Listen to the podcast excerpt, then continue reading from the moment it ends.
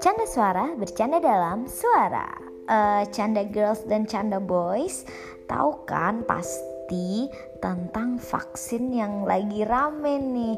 Nah, salah satunya adalah Raffi Ahmad sebagai uh, perwakilan dari millennials. Dia menjadi salah satu tokoh yang dapat vaksin pertama nih. Tapi ya, uh, dilansir dari kompas.com bahwa uh, Raffi Ahmad sempat dapat teguran nih dari istana karena beberapa jam setelah dia disuntikan uh, dia malah berkerumun nih dengan orang lain termasuk Bapak Presiden kita Bapak Joko Widodo.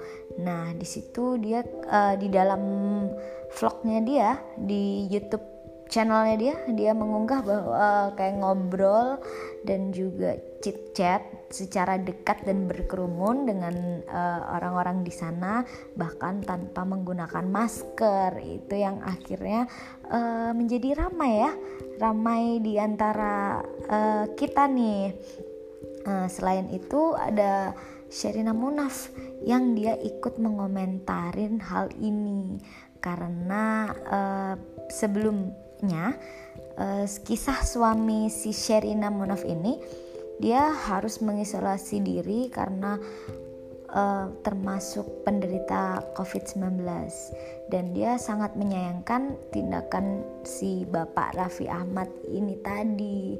Uh, namun setelah beberapa hari nih berita ini rame, baru kemarin Kamis si Raffi Ahmad ini dia uh, menyampaikan permintaan maafnya nih. Permohonan maaf dan klarifikasi terkait peristiwa tadi malam katanya gitu.